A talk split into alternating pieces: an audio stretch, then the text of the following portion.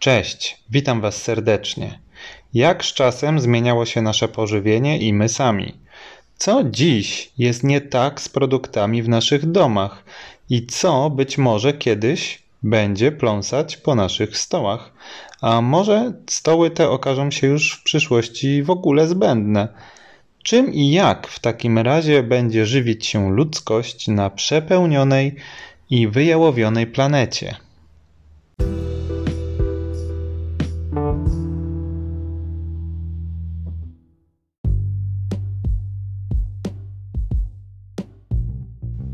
Lećmy od początku. Kiedyś jedliśmy głównie to, co udało się nam zebrać na łonie natury: owoce, warzywa, orzechy itd. Tak Nagle z nieba strzelił piorun, podpalił pobliskie drzewo i to właśnie był ten dzień, w którym nasi praprzodkowie zaczęli w oszałamiającym tempie levelować, po prostu z buta. Kiedy nauczyliśmy się już władać ogniem i za pomocą podpalonych gałęzi przepędzaliśmy dużo silniejszych od nas konkurentów, wtedy po raz pierwszy zasmakowaliśmy mięsa. To wtedy, cali umorusani we krwi, spojrzeliśmy na siebie, mówiąc, choć wtedy jeszcze tylko w myślach oczywiście, to jest to. Pojawiły się polowania. Aby jeszcze skuteczniej działać i tworzyć bardziej zaawansowane strategie, wykształciliśmy w końcu mowę. No bo wyobraźcie sobie, gonicie na pełnej prędkości mamuta, trzymając w ręku prototyp włóczni. Nagle mamut zmienia kierunek biegu i pędzi na waszego ziomka. No w takiej sytuacji samo pojękiwanie i gestykulacja mogą okazać się odrobinę niewystarczające. Wypadałoby stanąć i krzyknąć Uwaga!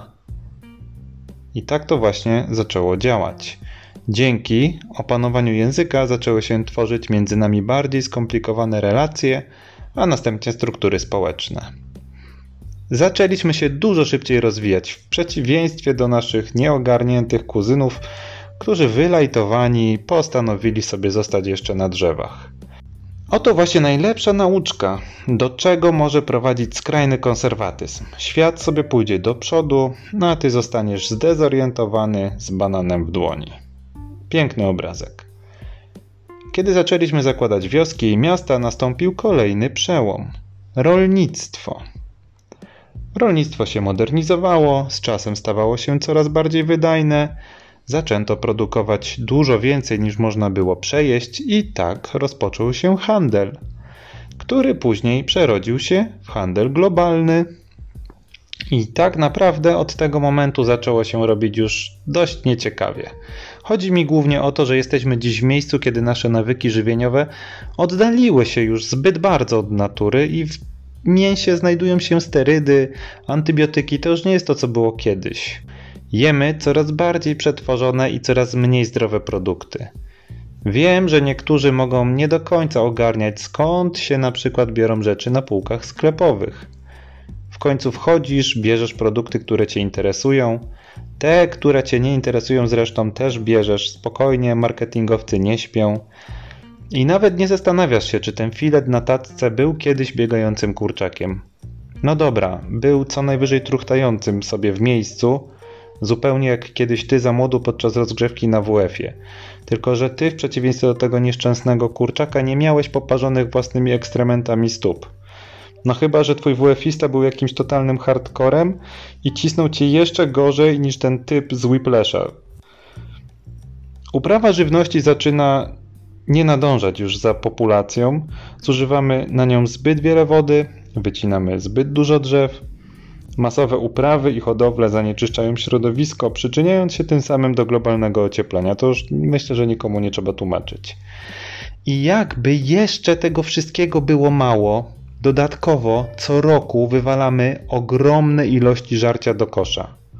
I marnowanie jedzenia w momencie, kiedy około miliard ludzi na świecie głoduje, no to to jest jakaś totalna porażka. Powinno być tak, że kiedy otwierasz swój śmietnik, to tam w środku jest przyczajony jakiś koks. I gdy tylko próbujesz coś zgarnąć tam z talerza, to ten wstaje i sprzedaje ci liścia w twarz. I mnie by się taki ktoś przydał, bo ja sam mam z tym problem. Trzeba nad tym poważnie pomyśleć, bo póki co mówienie i proszenie nic za bardzo nie daje. Musi tam siedzieć typ, otwierasz, patrzy co masz na talerzu, sprzedaje ci liścia, zamykasz i wtedy może się zastanowić następnym razem. Jedyne co na tym śmietnikowym jedzeniu to może mucha coś ugrać. I to właśnie muchy, a mianowicie ich larwy, mogą nam w przyszłości pomóc rozwiązać przynajmniej część naszych problemów. Hodowla takich tłuściutkich muszek jest o wiele bardziej zrównoważona i można ich użyć do wykarmienia zwierząt hodowlanych, co zresztą ma miejsce już dzisiaj. A czy my zjedlibyśmy larwy czerwi? Larwa czerwia? No nie brzmi to zbyt apetycznie, choć w rzeczywistości ponoć nie smakuje tak źle. Może jakby były podane w formie jakiegoś pasztetu albo zmielonego burgera, no to w sumie czemu nie? Nie wybrzydza się, kiedy zaczyna brakować żywności dla ponad 10 miliardów ludzi na planecie. Albo jesz, albo nie jesz, a nie patrzysz się co to tam, czy to pląsa, czy nie pląsa. Może najprościej byłoby po prostu zażyć tabletkę. Taką, która zawierałaby wszystkie makro i mikroelementy.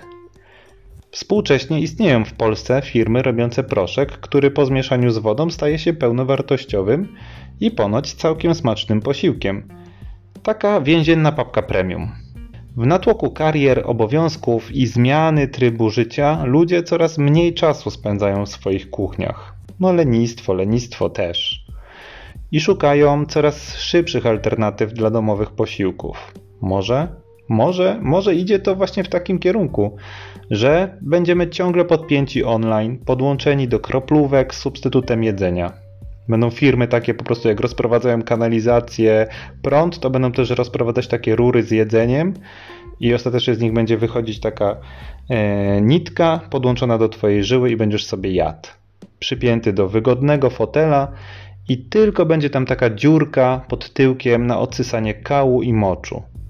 Nie uświadczysz już realu, no bo po co, skoro wszystko będziesz mieć podane w kroplówce.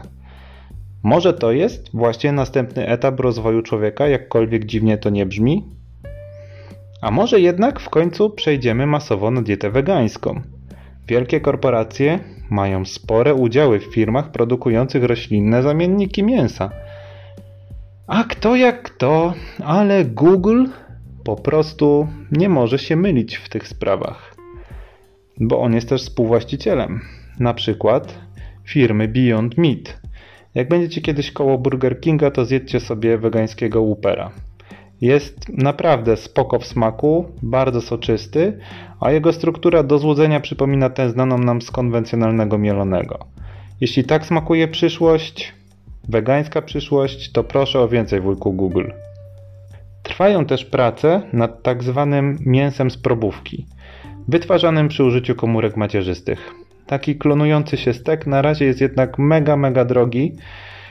I aby zjeść taki rarytas, musielibyście zaciągnąć naprawdę solidny kredyt w banku. Jednak pewnego dnia nowsza technologia, masowa produkcja sprawi, że koszty spadną, a co za tym idzie i cena takiego mięsa. I wtedy dostaniemy etyczny produkt. Super patent, podoba mi się.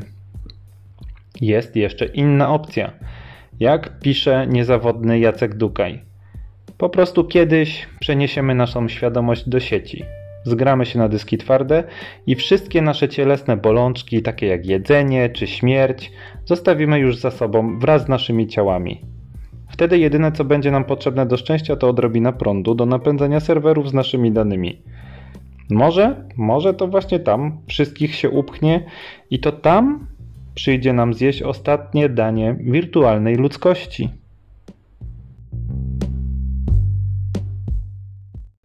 Dzięki, że wysłuchaliście tego odcinka. Jeśli Wam się podobał, to przekażcie go dalej. Co tam macie do stracenia? I nakarmcie moje serwery wygłodniałych mediów społecznościowych. A co? Do następnego. Cześć.